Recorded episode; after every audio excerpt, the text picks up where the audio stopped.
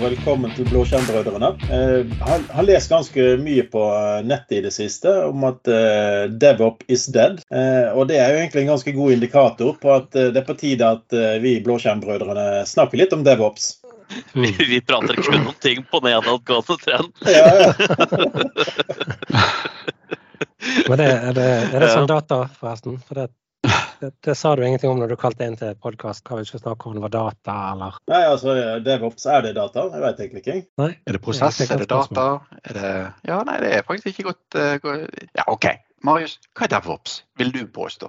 Jeg tror det kan være litt Ja. nyttig også å si. Hva Ja, er det det er et godt spørsmål. Det er i hvert fall veldig mange som har forskjellige meninger om det. Eh, Jeg mener jo sterkt at, at DevOps det er eh, prosessen som du har for både og da at du, du utvikler en, eh, en applikasjon eller tjeneste, og de samme som utviklere, de i alle fall ved, ved et form for veldig tett samarbeid, så er forvaltninga også der. Så um, på en måte det at det faktisk står og snurrer. Det er på en Mm. måte veldig overordna, sånn som jeg vil definere DevOps. Og Er du uenig i den påstanden? Hvem var det du spurte nå? Pål, sa jeg. Ja, ja, jeg beklager. Nei, jeg, jeg, jeg syns det var en god forklaring. Og jeg ville bare nevne at eh, for min del så begynte den tanken om DevOps eh, å snurre når jeg eh, leste en bok som heter Phoenix Project i gamle dager. Så jeg syns en utrolig bra skrevet historie som egentlig tok opp alle disse problemene som oppstår i et prosjekt. da, Fra begynnelse til slutt. Hvordan du har liksom utviklerne på ene siden, og så har du operations på andre siden, og så jobber alle i sin, hver sin retning. mm, Da kom jo det konseptet DevOps klart frem for meg. Da. Og Det er jo en bok som du kan lese bare for at du syns det er gøy. liksom. Det er ikke noe teknisk. Men, men eh, mitt, mitt inntrykk her hel, eh, Jeg føler at navnoppbyggingen sier litt for mye om hvordan implementeringen har blitt. altså er min utfordring med dette her.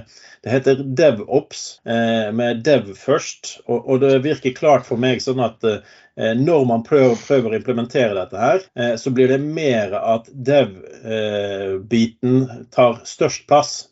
Sånn at ops-biten de blir ofte glemt litt i dette her, og de blir forventet at de skal også være utviklere, men uten å få verktøyene til å, å gjøre jobben. da. Eh, For det, det som Marius sier, det er liksom den at du skal trekke sammen eh, begge deler for å gjøre det mest mulig effektivt. Altså om det kalles SRE eller om det er DevOps, så er egentlig poenget det at eh, det operasjonelle sammen med utviklerne skal fungere i en symbiose, gjøre det effektivt. eh, og prøve å komme seg nærmest mulig hverandre, da, eh, sånn som jeg ser det. Sånn at man utfyller hverandre mye bedre og mye mer effektivt i arbeidsdagen. Eh, Men, men, jeg, men jeg har i hvert fall et sånt inntrykk av at det går veldig mye ene veien eh, kontra andre veien. At det forventes mye, mot det operasjonelle.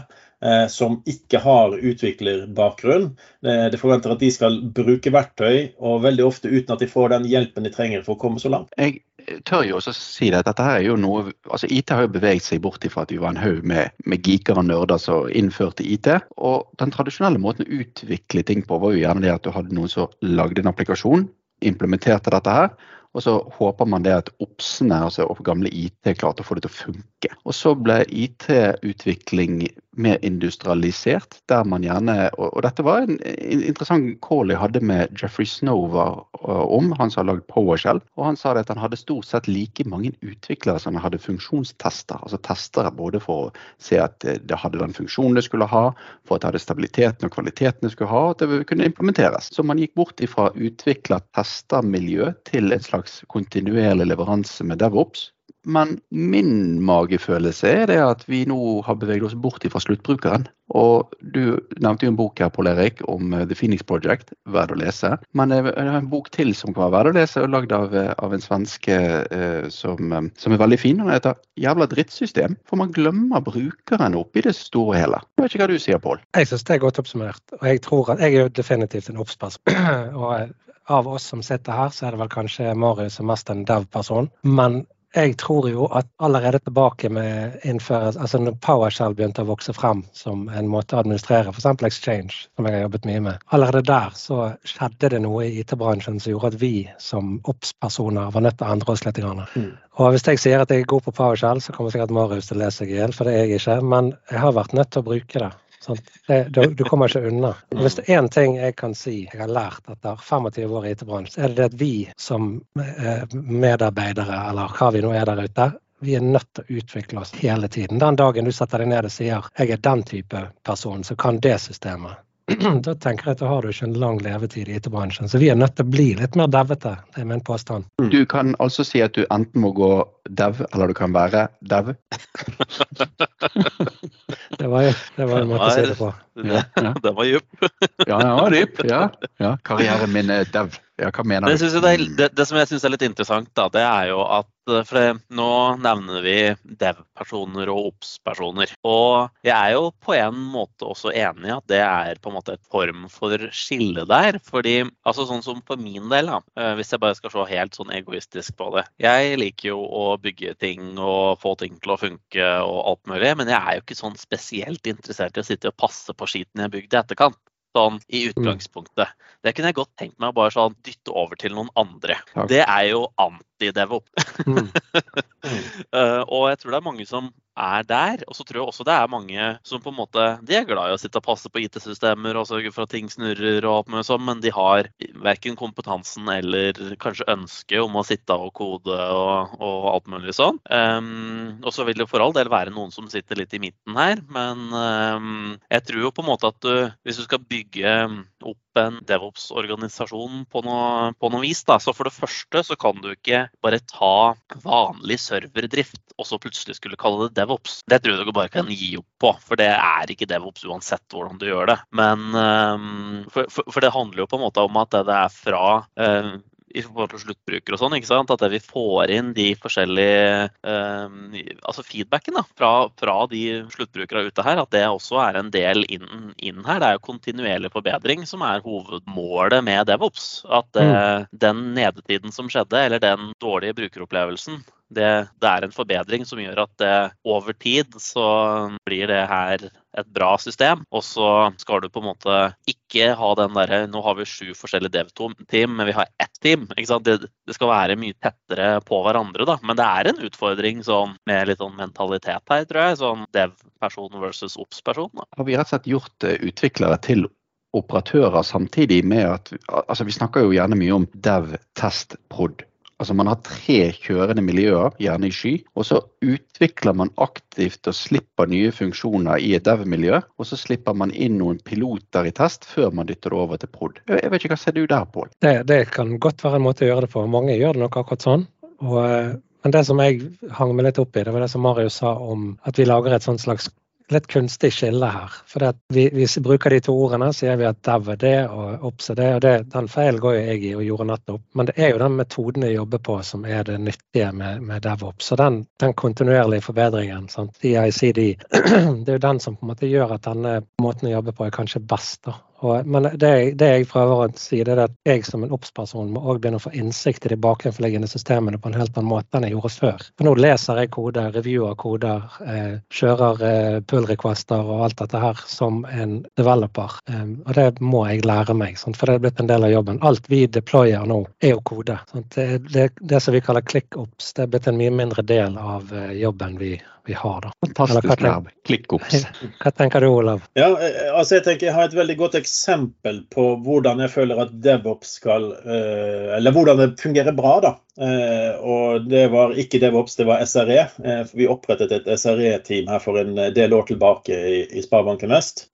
Og jeg ble medlem av det teamet, og da tenkte jeg det, det er kult. Jeg kan ingenting dev egentlig. altså Som du sier, jeg kan PowerShell og jeg kan stjele kode rundt omkring og gjøre litt sånn forskjellige ting. Men, men jeg ble med på det teamet, og en av de første tingene det teamet fokuserte på, det var også å si til meg hvilken oppgave gjør du mest av som er irriterende og bør automatiseres. Eh, og da så jeg jo det at jeg hadde type oppretting av f.eks. resource group, setting av tilganger og styring av disse resource groupene, eh, uten at jeg egentlig hadde noe forhold til hvorfor jeg skal gjøre det, hvem jeg gjør det for, og hvordan egentlig burde det vært satt opp. Eh, sånn at det var egentlig bare du fikk en beskjed, og så gjorde du det, og så var du ferdig. Og det var sånn som skjedde et par ganger i uken, og tar ikke så veldig lang tid. Men det, når jeg sa ifra at dette var mitt problem, så gikk det i gang, og det første prosjektet var da å lage en self-service-portal som gjorde at utviklerne nå går inn og bare bestiller resourcegruppen i hvilket miljø til hvilket behov, og hvilken gruppe som skal ha tilgangene. Eh, og så var det borte fra meg. Og Da jeg, da, da fungerte liksom DevOps-tanken veldig godt, for da hjalp developer meg til å bli kvitt manuelle rutiner. Eh, og jeg var faktisk med på prosessen og fikk sett litt mer på hvordan dette skjedde. Så da følte jeg at jeg ble tatt med i, i noe matnyttig som jeg så verdien av, og så ble jeg lært litt verktøy. Eh, og Det tok litt tid før jeg begynner å lære disse verktøyene. og det, det der Min største utfordring er det at jeg tror at vi veldig ofte sier at nå er du med i DevOps-gruppen.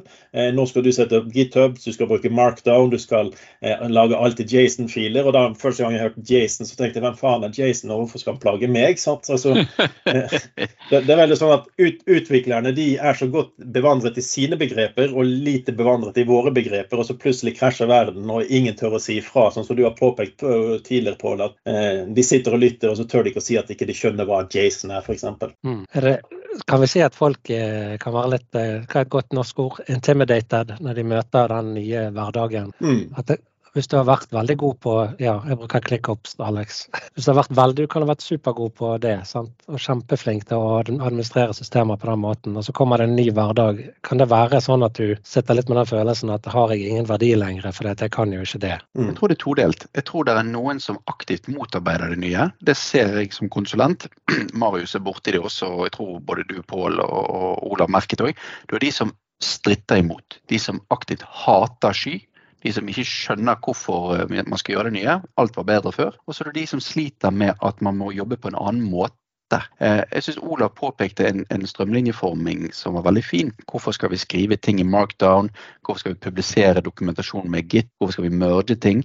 Eh, og det er ikke noe galt i det, men vi har SharePoint, vi har Data Loss Prevention, vi har veldig mange andre verktøy i oppsverden. Altså, jeg tror ikke det at man klarer å bli kvitt eh, hvordan skal man si dette? Man, man, kan rett og slett ikke bli kvitt eh, databeskyttelse, man kan ikke bli kvitt den typiske datalagringen med å dytte alt opp på den måten vi ser at DevOps gjør på. Eh, og den store verdensforskjellen der er gjerne litt sånn utfordrende. For det er veldig vanskelig å implementere en del av disse sikkerhetstiltakene i en DevOps-verden. Ja, for, for, der ser jeg jo egentlig kanskje litt av kjernen til problemet her. Det var at eh, en, en utvikler ville fint kunne lagd en løsning som pushet dokumentasjonen sin inn i SharePointen din, eh, men de ser ikke SharePoint som et verdifullt verktøy i det de bruker, og da glemmer de gjerne da oppspersonell, og ikke minst de kan glemme sluttbrukerne. Det beste av alt, for de som ikke ser dette her, så, så oppe i venstre hjørne så sitter Marius nå og himler med øynene og blinker og gnukker seg litt grann sånn. Akkurat nå sitter han og lager en PowerShell-integrasjon som løser dette her. Han skal nå implementere AIP i Markdown i løpet av onsdagen. Jeg bare ser det for meg. Mm. så, så, så, på en måte er jo det det at uh, man har et helt repertoar. altså sette det litt på spissen nå. Uh, DevOps fjerner hele Office E3-pakken. Jeg tenker til okay, ja. til det opprinnelige spørsmålet om, om folk uh, blir redd av dette her, så tenker jeg at det er ikke noen grunn til å være redd. Mm. Alle kommer til å bli erstattet av uh, ChatGPT innen et år eller to allikevel. Ja, nå, har jo, nå har de jo fått funksjon i Bing òg, eller i hvert fall mulighet til å be om ja. Men for å si det sånn, når vi kommer til det der med, med å være redd eh, Jeg tror ikke det alltid er det å være redd som gjør at du kanskje ikke går skrittet inn i å automatisere med, med skript og andre typer ting. Eh, for jeg bare tenker at eh, jeg er sikker på at jeg har brukt kanskje en ukes arbeid på å sette opp Ashore Landing Zones strukturen eh, riktig med Terraform eh, og satt opp eh, tildelt rettigheter. og altså, det, er, det, er, en del arbeid der. Men, men, jeg er sikker på at jeg i hvert fall brukte en uke på den jobben.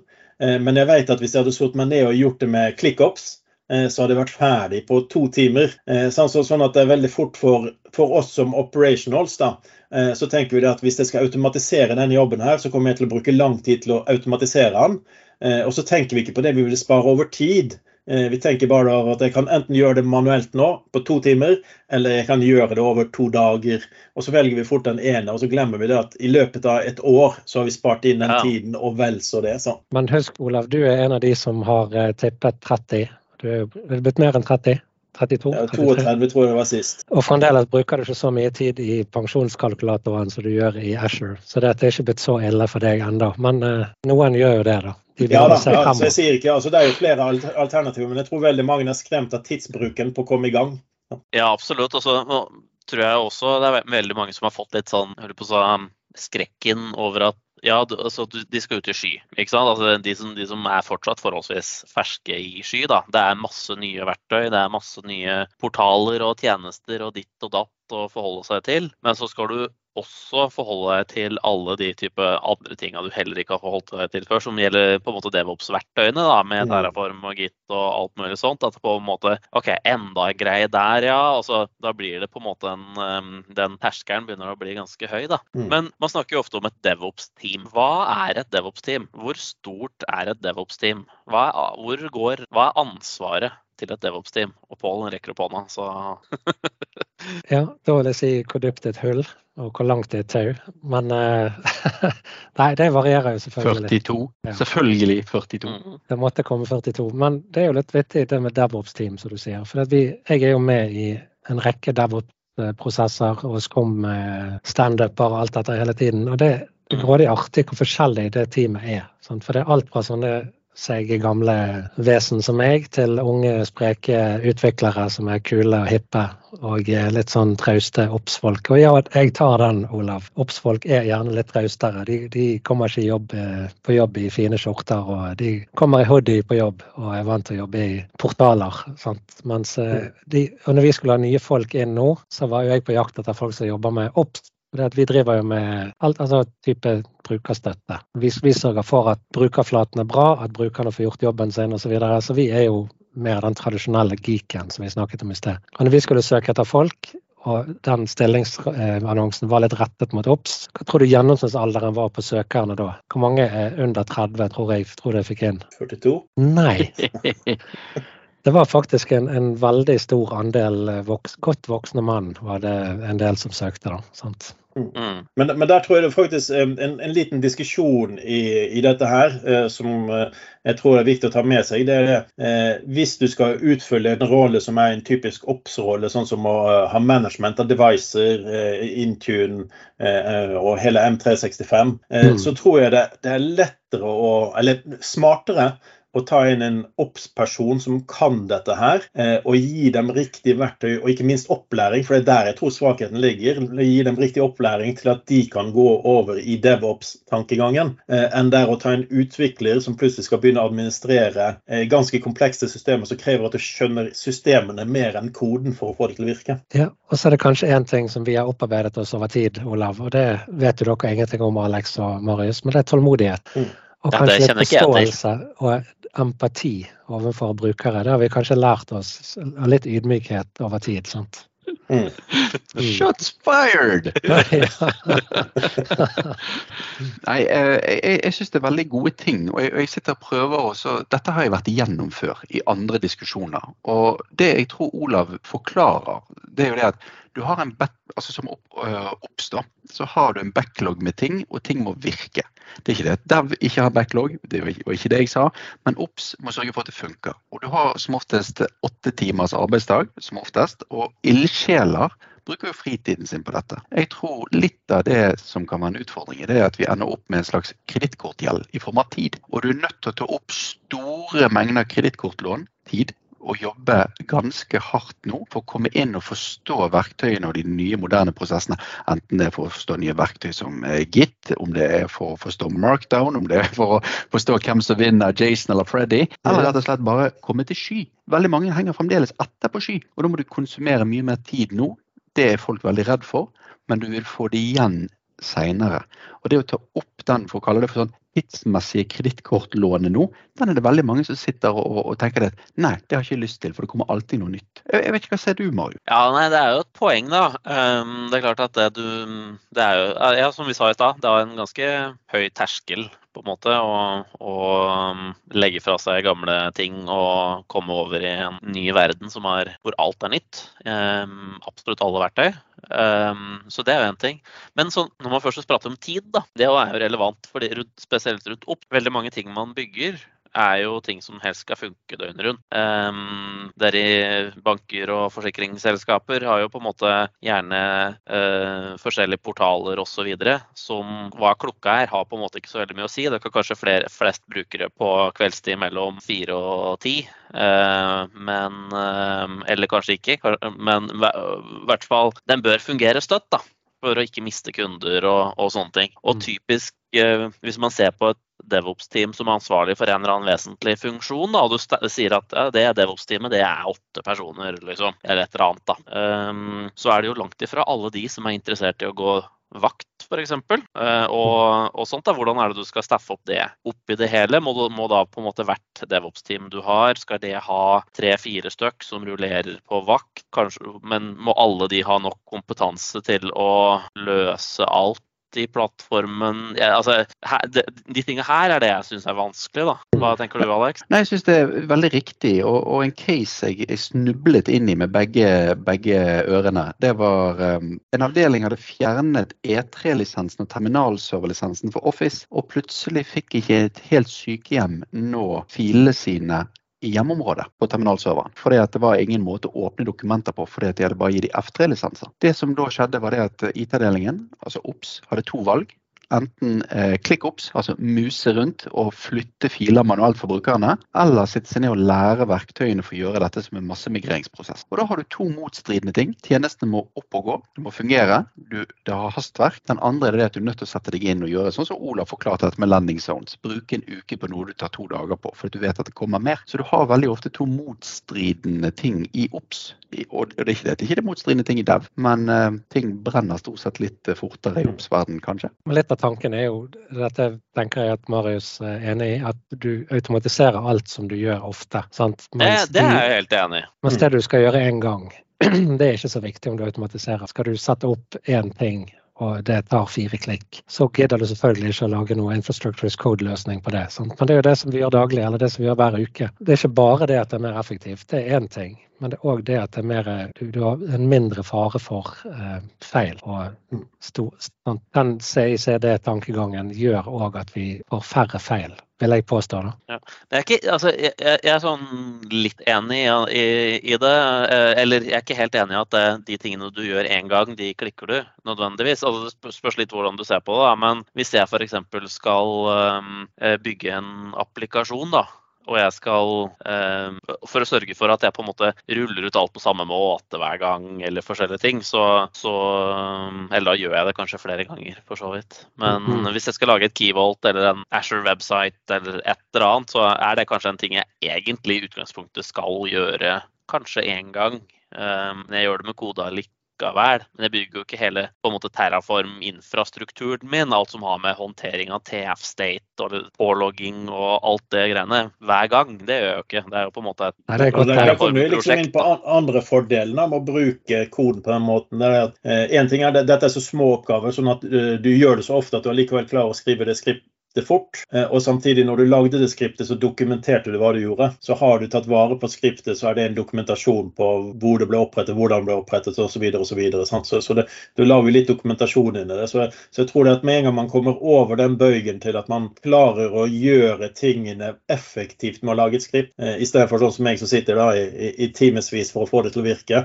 Eh, hvis du hadde gjort jobben, så hadde du brukt fem minutter. Hvis jeg gjør jobben, så bruker jeg to timer. Sant? Så det, der, er, ja. der er forskjellen. Sant? Så når, når du blir flink nok, så vil det gå mye fortere å lage skript enn faktisk ClickOps også gjør. Sånn. Ja, og så er det jo f.eks. den, si, si den operasjonen din, da, Olav, med å opprette en management group eller landing zone i Asher eller sånne type ting. da. Um, mm. Som uh, Hvis man skal legge inn fem linjer med kode eller noe sånt for å etablere en landingssone, for da skjer det masse greier ikke sant, som etablerer en eller annen struktur eller et eller annet. da. Så, så um, litt av de tingene er jo på en måte sporbarhet. Hvorfor ble det her gjort? Ja, Du kan kanskje se i audit-loggen at Olav var inne, og den er der i 90 dager, så da vet du det i 90 dager framover at uh, Olav var inne og lagde den management-groupen med forhånd. Mm. Men eh, hvis det du gjør det i kode, så har du på en måte all historikken liggende der. Du ser at det, ja, her kom det en, kom det en pull request fra Olav som ble merga inn. Eh, Det var Alex som godkjente den. eh, Og der ligger det en, et work item som vi kaller det Azure DevOps. da. Um, Men i hvert fall på en måte om det er en feature eller, eller hva det er for noe, da. Men i hvert fall noe som beskriver på en måte grunnen til at det her ble gjort. Kanskje det er linka til et eller annet etablering av en ny tjeneste eller et eller annet. ikke sant? Da er det en oppgave i et litt større prosjekt. sånn at du på en måte Mm. du, du, du vet hvorfor ting har skjedd. da. Du, du har ikke sånn derre Ja, nei, Olav ble påkjørt, og vi aner ikke hvorfor han var inne her for to uker siden og lagde det greiene her. Mm. Ja, det er et godt poeng. I stand corrected, som du sier. Um, jeg mener vel egentlig å si at eh, det er viktigere å automatisere ting som man gjør ofte, rett og slett for f.eks. Det er de vi sånne helt som enig oss. Mm. Jeg fikk et veldig eller sånn aha-opplevelse når jeg holdt på med en migreringsjobb og brukte Migration Wiz, som mange sikkert kjenner der ute, Mm. fra BitTitan. Et veldig, veldig veldig godt verktøy til å migrere e-post fra f.eks. tenant til tenant. Men det er bare grafisk grensesnitt.